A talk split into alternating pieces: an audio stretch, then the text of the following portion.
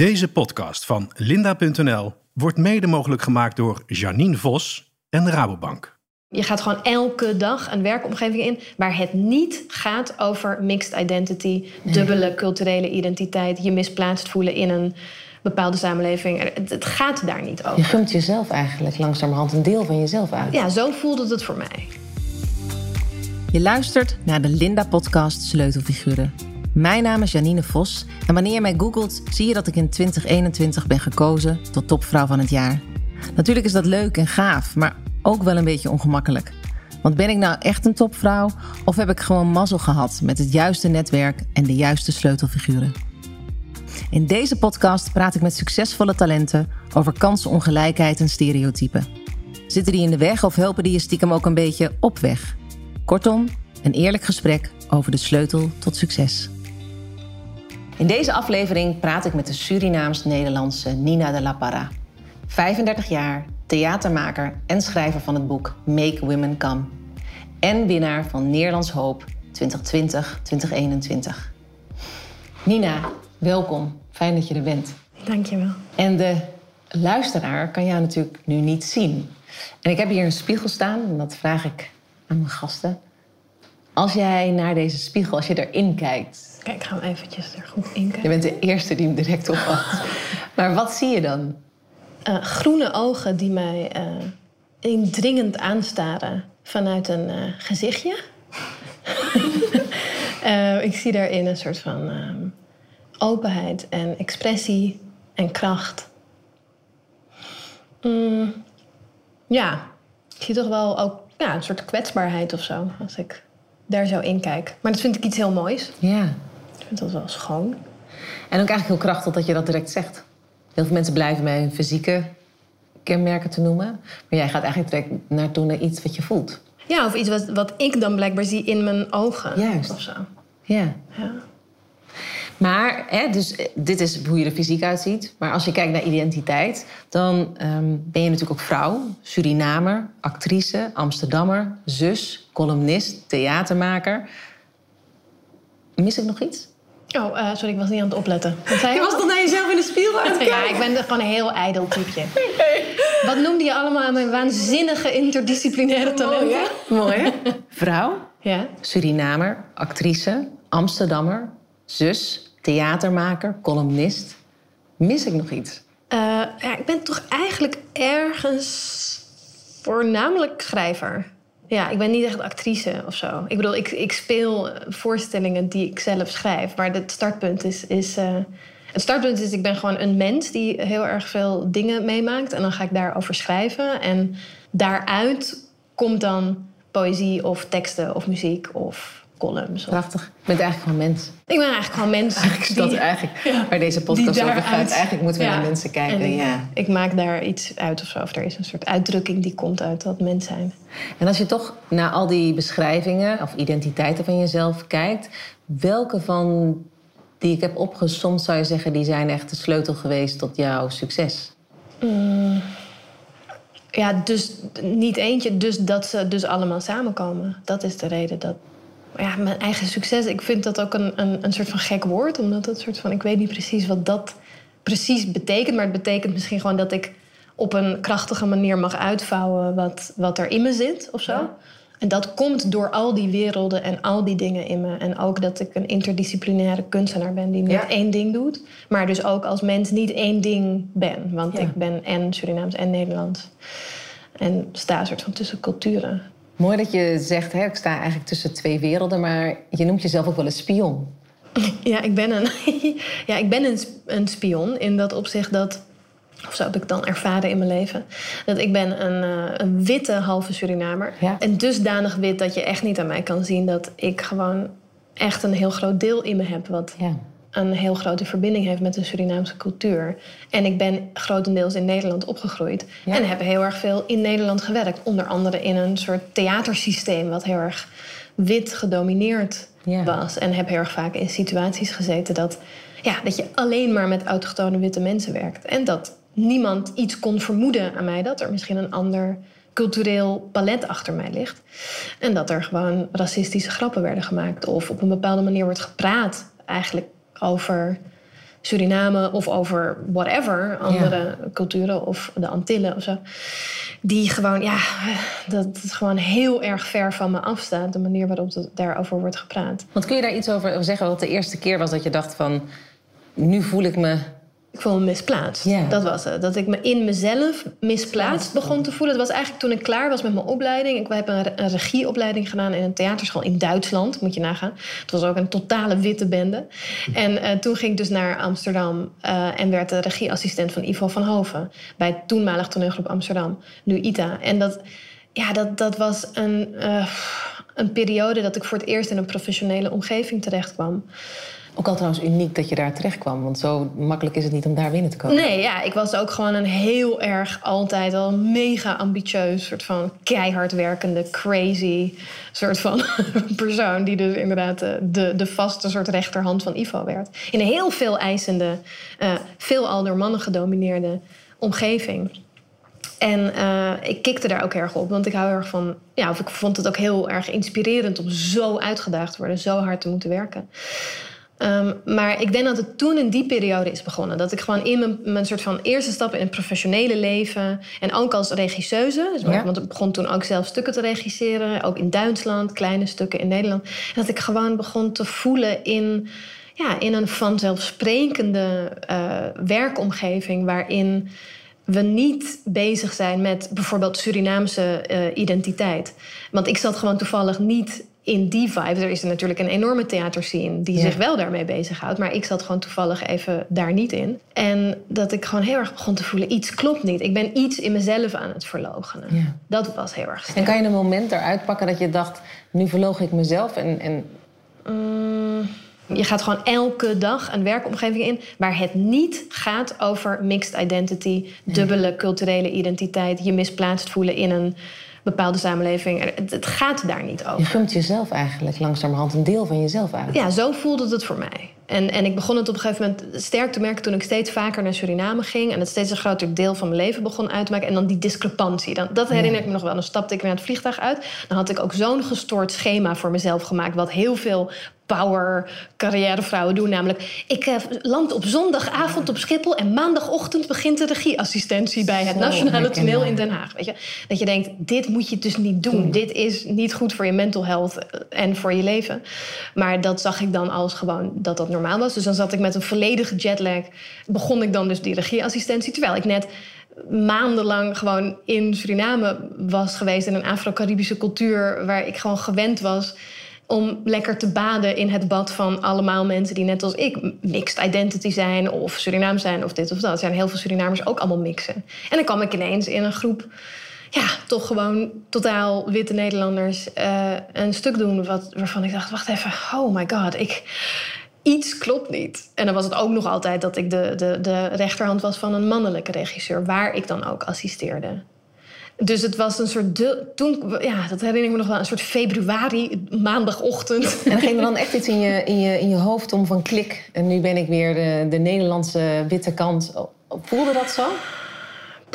Nee, dat, ging niet zo geleidelijk. Dat is meer een gek gevoel dat je in twee lichamen zit. Dus je bent daar, uh, inderdaad, in je, uh, je mal van uh, inderdaad Nederlandse regieassistent. Ik weet precies hoe het gaat in Nederland. Ik ben in Nederland opgegroeid. Ik weet exact hoe het allemaal eraan toe gaat. Het allemaal werkt. Ik praat heel op een hele Nederlandse manier. Weet je wel, maar ik zat daar dan in een soort van lange Surinaamse jurk. en ik had het heel een soort van. Ik had een soort opvliegingen vanwege de temperatuurverschillen. En probeerde aan die mensen uit te leggen dat ik toch nu liever rijstkip wilde eten voor de middagpauze. En iedereen keek gewoon glazig aan van. We begrijpen iets niet aan jouw crazy zijn. En je zal dit wel overdrijven. En dat kan ook helemaal niet. Dat, dus het was gewoon een soort glazige. En wat er gebeurt met jezelf is dat het eigenlijk een soort heel gekke uh, verwarring. of een soort twee strijd in je, maar ook een uit elkaar gescheurdheid. Dus je, je bent letterlijk met je lichaam daar, maar je hart en je hoofd zitten eigenlijk in Suriname. En je kan die twee werelden niet bij elkaar brengen. Maar kan je dan goed zijn? Jij bent het beste in dat je jezelf bent, dat je mens bent, dat je beide werelden wel bij elkaar hebt. Nou ja, nu. Maar toen natuurlijk niet. Toen was ik gewoon totaal in de war. Het heeft, het heeft ook niet voor niet heel lang geduurd voordat ik met mijn eigen voorstelling naar buiten ben gekomen. Ja. Ik een heel ander pad bewandeld of zo. Ik was gewoon. Was er dan een moment dat je dacht, dat, nu durf ik dat? Want het is natuurlijk een, dat, is, dat is jouw theaterstuk. Hè? Dat gaat Ja. dus natuurlijk heel erg over die combinatie Ja. van allebei de werelden die in jou zit. Ja, nou, dat, dat is dus, en dan komen we ook wel meteen bij sleutelfiguren. Dat is niet dat ik dat heb bedacht. Het was gewoon, die discrepantie begon te komen tussen dus dat werk wat ik deed als Ja. regieassistent en als regisseur in die witte geïnstitutionaliseerde omgevingen. En dat was zo'n heftig gevoel en dat begon me gewoon op te breken. Maar dat heeft heel lang geduurd. Ik heb dat jarenlang gedaan. Hè? Ja. En, dus, en tijdens die jaren was ik altijd ook zelf muziek aan het schrijven. En thuis gekke verhalen aan het bedenken. En toen heb ik op een gegeven moment gewoon door een soort halve burn-out heen... op een zaterdagavond voor de lol een concert gegeven van die liedjes... met mijn eigen band en gewoon voor mijn vrienden, gewoon voor de lol. Zo van, ik moet Je moet het uit. ik moet, ik, moet, ik moet even iets doen wat leuk is. Ik Maar dat was totaal niet met een intentie van... Dit ga ik nu doen. Het was gewoon. Ik, het was bijna alsof ik boven water moest blijven. door iets terug te pakken van een Van soort jezelf eigenlijk. sardonische humor. Of ook mijn hele humor was ook totaal. Dat is niet je plek als regieassistent om een Om beetje humor. sarcastische grappen te komen maken. Zeker niet als vrouwelijke regieassistent. Ik weet niet. Het is gewoon. Het is not your role of zo om daar ge- geestig te gaan zitten zijn. En is het nou vrouw of is het nou Surinaams-Nederland? Wat is het? Is, of is het allemaal? Dat zit allemaal in mij en dat was allemaal een beetje in die omgeving niet. Nou ja, je mag wel Surinaam zijn, maar niemand ziet het aan me. Dus het is een soort van dubbel conflict. Dan moet ik eerst een half uur lang aan iemand gaan uitleggen hoe ik Surinaams ben en waar mijn familieleden vandaan kwamen. Want dat waren Joden in de 15e eeuw die naar Suriname zijn gekomen. En toen hebben ze zich gemixt met Creolen. En daarom eh, ziet mijn vader eruit als een Italiaan in plaats van als een. Oké, half uur later, nou oké, we begrijpen er een soort van 1% van, weet je wel. Terwijl Surinamers zelf dat natuurlijk wel begrijpen. Want elke Surinamer begrijpt dat. Het is niet dat je niet Surinamer mag zijn. Het is meer je, het Ja. claimen terwijl ik zo wit eruit zie en zo Nederlands eruit zie en zo een soort van dat dat kunnen mensen niet samenbrengen. En ik was zelf nog niet ver genoeg in, die, Nee. in dat onderzoek om daar gewoon rustig in te staan en gewoon meteen te zeggen: Nou mensen, ik ben gewoon wat ik ben en klaar. Maar wat een heerlijke avond moet dat zijn geweest met je vrienden. Ja, dat was best wel een bijzondere avond. Dat was, eh, dat was in Splendor. Dat is een heel leuke plek in Amsterdam... waar je ook heel erg gewoon experimentele dingen mag doen. En daar heb ik dus gewoon inderdaad dat op. Ik was ook half dronken. Ik had een soort fles wijn daar. Ik eh, ging al die liedjes spelen. Ik kon half niet piano spelen. Ik had ook hele lange soort nepnagels. Die vlieg, vlogen er allemaal af tijdens het spelen. Wie gaat een pianoconcert doen met nepnagels? Dat is totaal belachelijk. Dus ik was zero professional, weet je. Ehm, maar dat, daar ging het ook niet om. Het waren gewoon mijn eigen liedjes. En tussendoor ging In ik je eigen veilige omgeving. Inderdaad, het was gewoon echt voor de lol. Gewoon van, om mijn vriendinnen te laten lachen. Dat was letterlijk dat. Ik ging gewoon verhalen vertellen over mijn vriendinnen... en al onze zoektocht naar mannen. En dat iedereen, iedereen totaal het falen was. Dus het was allemaal een beetje ook vanuit satire en Monty Python. En het kwam heel erg vanuit die soort van vibe... dat ik dit gewoon wilde doen. Nou, en toen was er dus een soort van hele gekke bom geëxplodeerd ineens... dat, dat iedereen die daar was zoiets had van... maar, maar, moet je wat mee. Maar je moet hier gewoon iets mee, want dit is zo grappig. En mijn zus, daar komen ook sleutelfiguren. Mijn zus, mijn oudere zus, Bodil de la Parra... dat is mijn, mijn halfzus, maar ze is dus een heel veel oudere zus... maar zij is ook theatermaakster. En mijn zwager, dus haar man, Geert Lageveen... is ook een theatermaker. Die waren daar natuurlijk ook bij. Gewoon, mijn familie was er natuurlijk ook bij. En die hadden dus ook gewoon zoiets vanuit hun theatervak. Zeg, ja, maar Nina, dit is crazy. Je, je kan dit niet. Je moet dit onderzoeken of je hier iets verder mee kan. Maar dan moet je er een regisseur bij vragen. Dan moet er iemand wel echt naar gaan kijken. Dan moet je er ook het iets serieuzer aanpakken dan dus hier, eh, weet je wel, inderdaad. Met je, met je nepnagels. Met je nepnagels, eh, tien uur s'avonds, een beetje half dronken tussen de schuifdeuren. Ze zeiden van het is nog niet professioneel, maar het is wel eh, te goed voor tussen de schuifdeuren. En dat heeft ook weer best wel lang geduurd voordat ik dat durfde. Want ik vond het heel eng om dus die stap te nemen. En Want waarom ik- vond je dat eng? nou ja, omdat ik een veiligheid ook had opgebouwd. Ik had tien jaar lang gewerkt om theaterregisseur te worden. Ik heb keihard gewerkt. Ik wist vanaf mijn zestiende of zeventiende dat ik dat wilde. Dus het was een, een hele lange... En ik had al die regieassistenties doorstaan. Weet je hoeveel shit ik heb moeten doorstaan. Om te- en ik heb mezelf zo uitgewoond. En dan was het een heel verwarrend idee. Hè? Ga ik dan dat allemaal niet meer doen? Ja. Ik verdiende er trouwens ook gewoon heel goed geld mee. Dat is natuurlijk ook een groot verschil. Van, ga je je eigen super vage solo-programma doen als nobody in een super competitief soort theatersysteem waar je eigenlijk niks van weet? Of ga je gewoon blijven in het zijn van een, laten we zeggen, middelmatige theaterregisseur, weet je wel, die, die misschien een hele goede regieassistent is? Dat was ik, bij wijze van spreken. Dus dat vond ik heel eng en verwarrend. Zo van je hebt een leven opgebouwd. Ja. Um, maar dat gaat dus ook heel erg over wat is succes. een stabiel leven Ja, wat is succes of wat is carrière? gaat ook heel erg daarover. Ja. Van waar wil je aan vasthouden? Of wat is. En durf je het dus inderdaad aan om te gaan falen? Want ik bedoel, in mijn hoofd was het gewoon van: oké, 90% zeker ga je falen als je gaat proberen een of ander solo-performer te worden. Dit is gewoon wie lukt dat om daar iets van een leven in op te bouwen? Jou lukt dat? dat? Nou ja, dat is dus toen gelukt. En het is gelukt doordat ik dus toen bepaalde mensen om hulp heb gevraagd. Het was eerst Frank Noorland, dat was de programmeur en artistiek leider van uh, Theater Bellevue. En die had me altijd al een beetje geholpen. En toen heb ik gewoon aan hem gevraagd: wat moet ik doen? En toen heeft hij gezegd: je moet uh, nu vier maanden per jaar gaan, of drie of vier maanden per jaar gaan vrijmaken om dit te doen. Je kan het niet meer doen naast de regie om drie uur s'nachts. Je gaat er gewoon in je jaarplanning anders moeten doen. En dan ga je in die periode proberen een klein subsidietje aan te vragen. En dan ga je er een regisseur bij vragen. En dan mag je dat nieuwe programma bij ons spelen. En dat was een, qua gedachtegang een heel belangrijk, eigenlijk echt een sleutelgesprek wat ik nooit meer zal vergeten. Dat het gewoon was van, oh, je moet, het, je moet iets ervoor doen. Je moet het serieus nemen in je tijdsinvestering. Ja. En wat mooi dat je het gewoon gevraagd hebt om een sleutelfiguur. want je hebt natuurlijk allemaal iconen of rolmodels. Die heb jij ook. Hè? Je noemde Amy al net. Hè? Je hebt gewoon, die heb je. Maar sleutelfiguren zijn mensen die waar je ook tegenop kan kijken, maar die deuren voor je, die iets actiefs doen, die deuren voor jou Ja, precies. Want Frank Noorland zei van en dan mag je de voorstelling ook hier uitvoeren. Dus, dus hij, hij gaf me ook meteen een, echt een datum. Zo van, we gaan nu meteen naar de agenda kijken. Ja. En hij zei ook meteen... en je kan het aanvragen bij het, het Amsterdam Fonds voor de Kunst. Die hebben een klein ontwikkelbudget bijvoorbeeld. Toen heeft hij me meteen een soort... en toen heeft hij een brief voor me geschreven. Geweldig. Nou ja, en toen heb ik dus dat, dat gekregen. En toen heb ik naar aanleiding daarvan... Um, Adelheid Rozen gevraagd... die ook al een beetje aan de zijlijn... een grote inderdaad heldin van me was... Van kan je misschien over, ja, over die, dat, dat materiaal heen kijken als een soort van second eye, als een outside eye. Misschien niet als een soort regisseur-regisseur, maar als iemand die er naar gaat kijken. En toen zei zij: Weet je wat, ik stuur Titus Muizelaar. Die kan dat heel goed. En toen heeft zij dus Titus Muizelaar gestuurd, die een waanzinnige regisseur is, maar zelf ook een heel interdisciplinair iemand die ook acteert en heel open, een soort kunstenaar is.